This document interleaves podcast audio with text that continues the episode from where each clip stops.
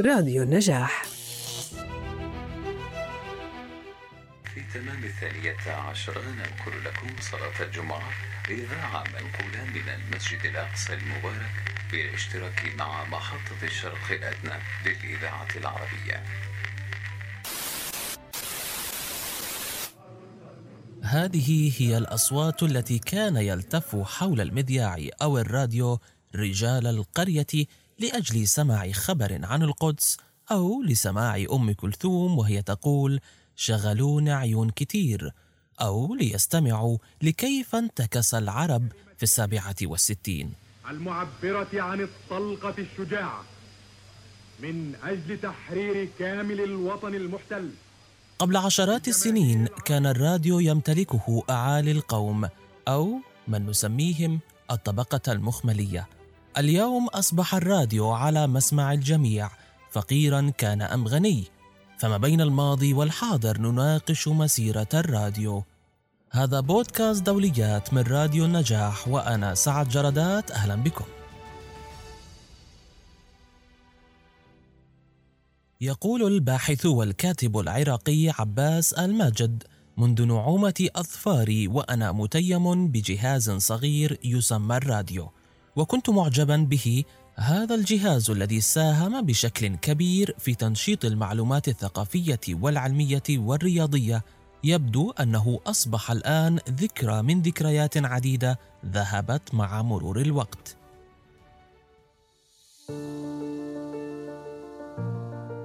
سألنا الناس هل لا يزالون يستمعون للراديو أم أنه أصبح ذكرى حقا وسط الحداثة المتسارعة؟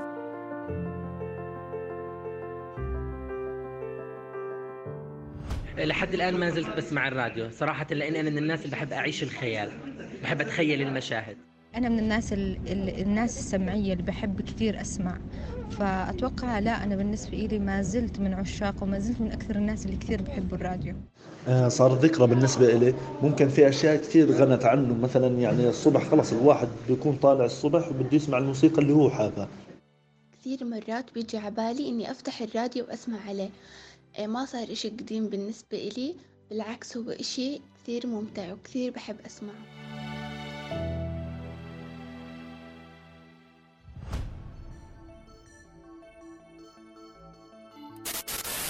إن الراديو مر بسلسلة تطوير وتحديث كبيرة بدءا من عام 1820 حيث شارك العديد من الناس في اختراع الراديو كما نعرفه في الوقت الحالي. ولكن وفي الثالث والعشرين من ديسمبر من عام 1900 أصبح المخترع الكندي ريجينالد أول شخص يرسل صوت مهاتفة لاسلكية عبر الراديو عن طريق موجات كهرومغناطيسية ونقل بنجاح الصوت على مسافة تقدر بحوالي 1.6 كيلومتر. وبعد ست سنوات فقط في ليلة عيد الميلاد تحديدا عام 1906 أصبح أول شخص يقوم ببث إذاعة عامة. أي يمكن مجازا أن نقول أن جهاز الراديو بمفهومه الحالي تم اختراعه عام 1906 ومجازا ينسب الاختراع إلى جولميلو ماركوني. في عام 2011 أعلنت الدول الأعضاء في اليونسكو الثالث عشر من أشباط فبراير يوما عالميا للإذاعة ثم اعتمدته الجمعية العامة للأمم المتحدة في عام 2012 بوصفه يوما دوليا يحتفل به في الثالث عشر من أشباط فبراير من كل عام. تسعى الأمم المتحدة من خلال هذا اليوم إلى تسليط الضوء على التزام اليونسكو بتعزيز الاتصال والتواصل بين مختلف المجتمعات بغية ترسيخ التفاهم المتبادل فيما بينها من خلال تعزيز التدفق الحر للأفكار عن طريق الكلمة والصورة على حد قولها. نناقش كل ذلك ومسيرة الراديو بين الماضي والحاضر مع أبرز مذيعي الإذاعة الأردنية الدكتور محمد المحتسب. طابت أوقاتك دكتور وسعيد لكوني أتحدث معك اليوم وهذه الحلقة ربما فيها إحادة لأيام الماضي بعض الشيء. نرحب ونناقش كل ما حدث ودار في مسيرة الراديو بين الماضي والحاضر مع أبرز مذيعي الإذاعة الأردنية الدكتور محمد المحتسب. فمساء الخير دكتور والله يعطيك العافية. ومن خلال راديو النجاح اسمح لي بمناسبة اليوم العالمي للراديو أن أوجه التحية للزملاء المتعاملين مع الكلمة المكتوبة والمسموعة والمرئية الذين ما زالوا بين ظهرانينا والدعاء بالرحمة والمغفرة لمن التحقوا بالرفيق الأعلى الذين آمنوا بقدسية الكلمة الصادقة التي تنتج في مجتمعها الأثر الطيب كالشجرة الطيبة التي تشيع المحبة والدفء والعطاء والنماء والخير والبركة وتدعو للوحدة والتآخي والوفاق ولا تدعو أبدا للفرقة والتمزق والاختلاف أخي سعد. أكيد. والرحمة كل الرحمة لمن قضوا وهم يدافعون عن الكلمة الحق أكيد. أنا متشوق جدا لكي نعود مع الدكتور محمد المحتسب. وهو كان يعد أصغر مذيع في الإذاعة الأردنية إلى البدايات. تحدثنا أكثر دكتور عن تلك البدايات الجميلة. كيف بدأتها؟ وأنت يعني الأصغر سنا بين المذيعين في ذلك الوقت. حدثنا عن كل تلك التفاصيل الجميلة. أخي سعد العمل الإذاعي أو العمل الإعلامي آه، بشكل عام. نعم. ليس وظيفة كأي وظيفة أخرى. صحيح. إذا لم تعشق الكلمة ولم تعشق الميكروفون ولم تعشق هذه المهنة. نعم. وتعطيها كل جهدك فلن تنجح. ويعني بكل تواضع أقول عشقت أنا الكلمة المنطوقة. مهم. عش- عشقتها بصوت مرتلي ومجودي القرآن الكريم. نعم. من أمثال محمد صديق المنشاوي مصطفى إسماعيل محمود الطبلاوي وغيرهم. نعم. وعشقتها كذلك بصوت ذلك الإذاعي الكبير. الذي قد لا يعرفه الكثيرون إنه الإذاعي المصري جلال معوض. نعم. الذي كان يشدني بكلماته العذبة الرقراقة ولغته الجميلة. التي كانت تشنف الأسماع بعذوبة اللفظ ورقة العبارة ودقة الدلالة عندما كان يمهد بها إطلالة أم كلثوم في نهاية كل شهر. لتشدو بأروع القصائد المغناة. نعم. عشقت الكلمة المنطوقة بصوت فاروق شوشة وهو يلقي قصائده الجميلة مثل رشة عطر تخفق لها القلوب ويهتز لها الوجدان. نعم. من أجل ذلك أخي سعد فضلت العمل بالكلمة المنطوقة كتابة وإلقاء في عدد من الإذاعات العربية بدءا من الإذاعة الأم الإذاعة الأردنية. نعم. فضلتها على دراسة الطب بعد تخرجي وحصولي على الثانوية العامة عام 66 مهم. هذا العشق هو الذي حملني إلى الإذاعة الأردنية. نعم. تخيل أخي آه، سعد. أن المتلقين في تلك الفترة في الستينات والسبعينات من القرن الماضي نعم. كانوا عندما يستمعون إلى نشرة الأخبار على سبيل المثال. قبل أن يتحدثوا عن مضمون هذه النشرة وعن الأخبار التي فيها كانوا يتحدثون عن انظروا يقولون لبعضهم البعض انظروا كيف يقدم هذا الإذاعي أو ذاك صحيح. نشرته الإخبارية. انظروا إلى صوته العذب.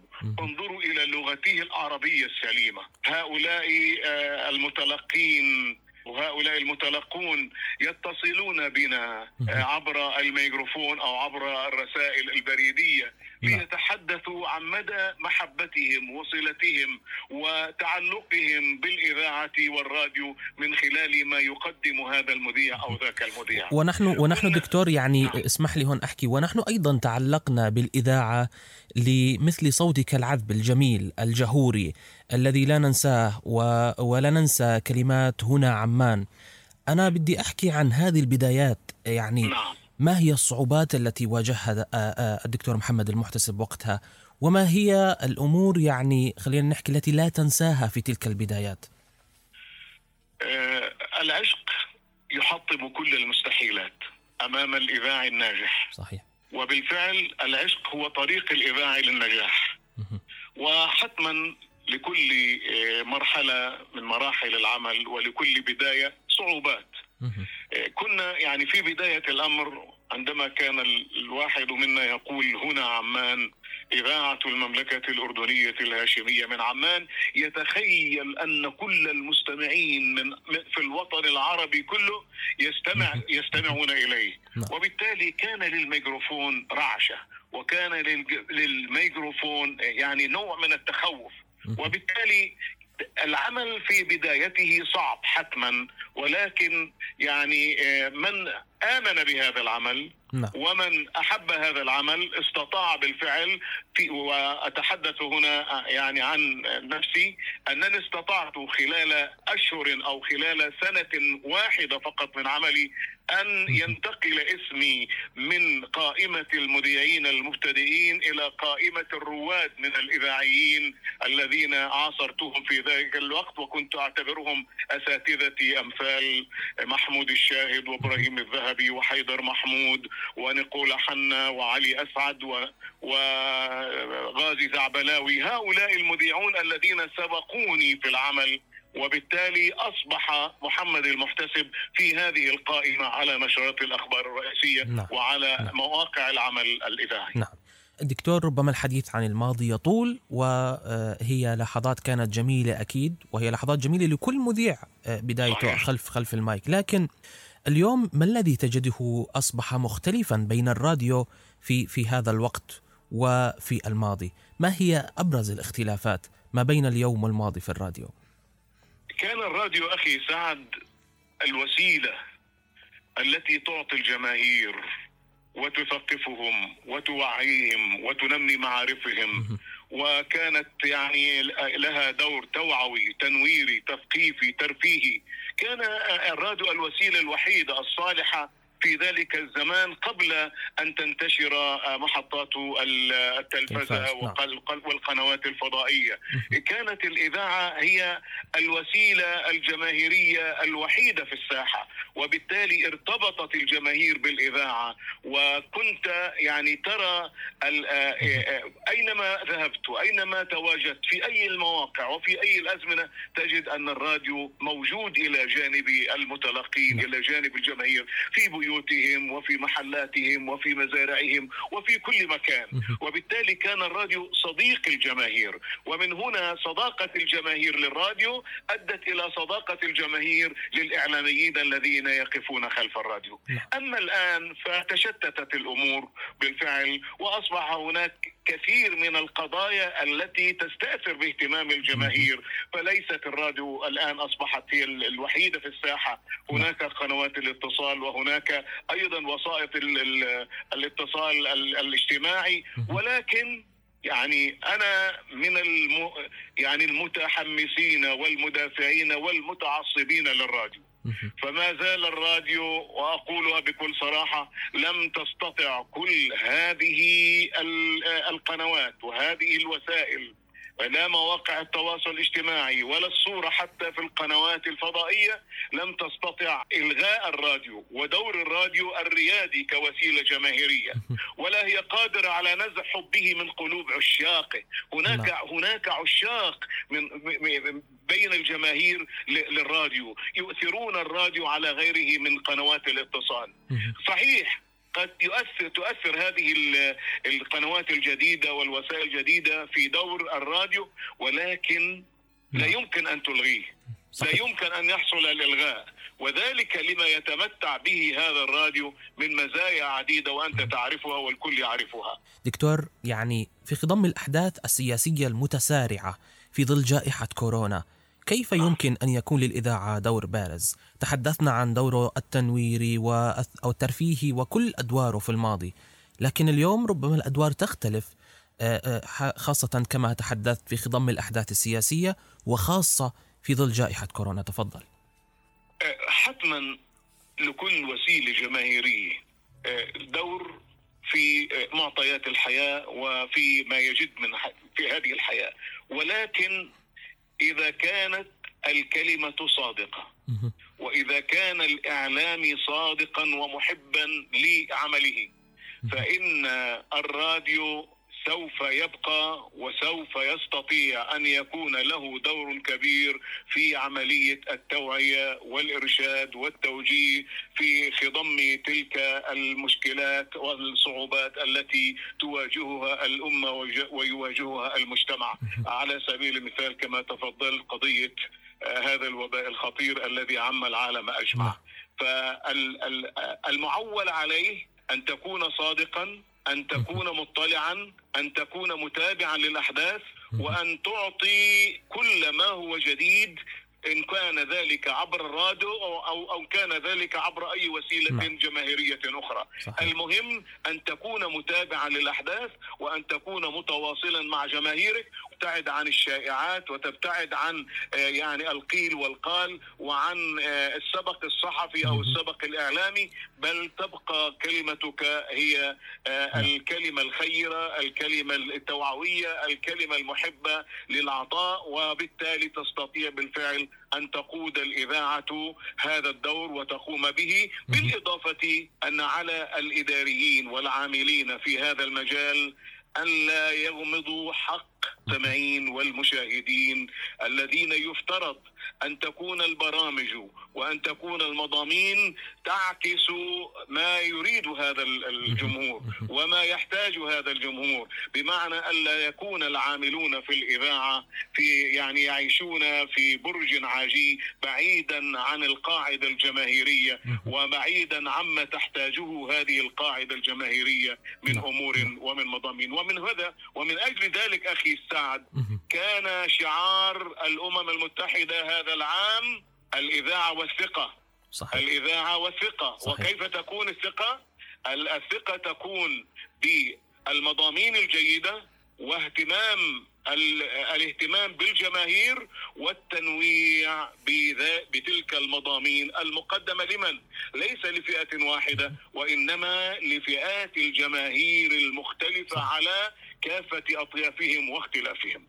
آه، يعني المذيع والدكتور المتميز آه، محمد المحتسب كنت معنا لبودكاست دوليات لراديو النجاح. شكرا جزيلا دكتور لكلماتك الطيبة. كل عام وأنت بألف خير وأتمنى لك موفور الصحة والعافية بمناسبة اليوم العالمي للإذاعة. كلمة أخيرة دكتور تفضل. آه، أنا أعشق اللغة العربية. وأختم كلامي بهذه الأبيات القليلة القصيرة التي تقول لغتي الجمال وأنت صرح باذخ بك يعرف الإنسان والأوطان. أهواك في نطق الحروف فصيحة نبراتها في مسمعي ألحان. يعتز باللغة الكريمة مؤمن وكتابه في حبها القرآن من ضيع الفصحى يضيع ذاته أم اللغات بها الشعوب تصان والله لا كلام بعد هذا الكلام دكتور. شكرا جزيلا لك. أطربتنا بصوتك وبكلماتك العذبة كالعادة. شكرا جزيلا وأنا سعيد لكونك.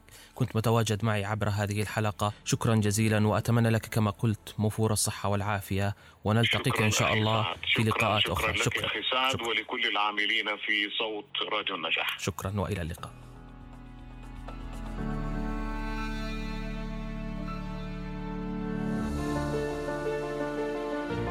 وأنتم شكرا لكم مستمعينا على استماعكم. آملين أن تبقوا دائما على اتصال مع الراديو وخاصة راديو نجاح عبر المنصات التالية SoundCloud، Spotify، Google Podcast وعبر موقعنا على الإنترنت النجاح دوت نت.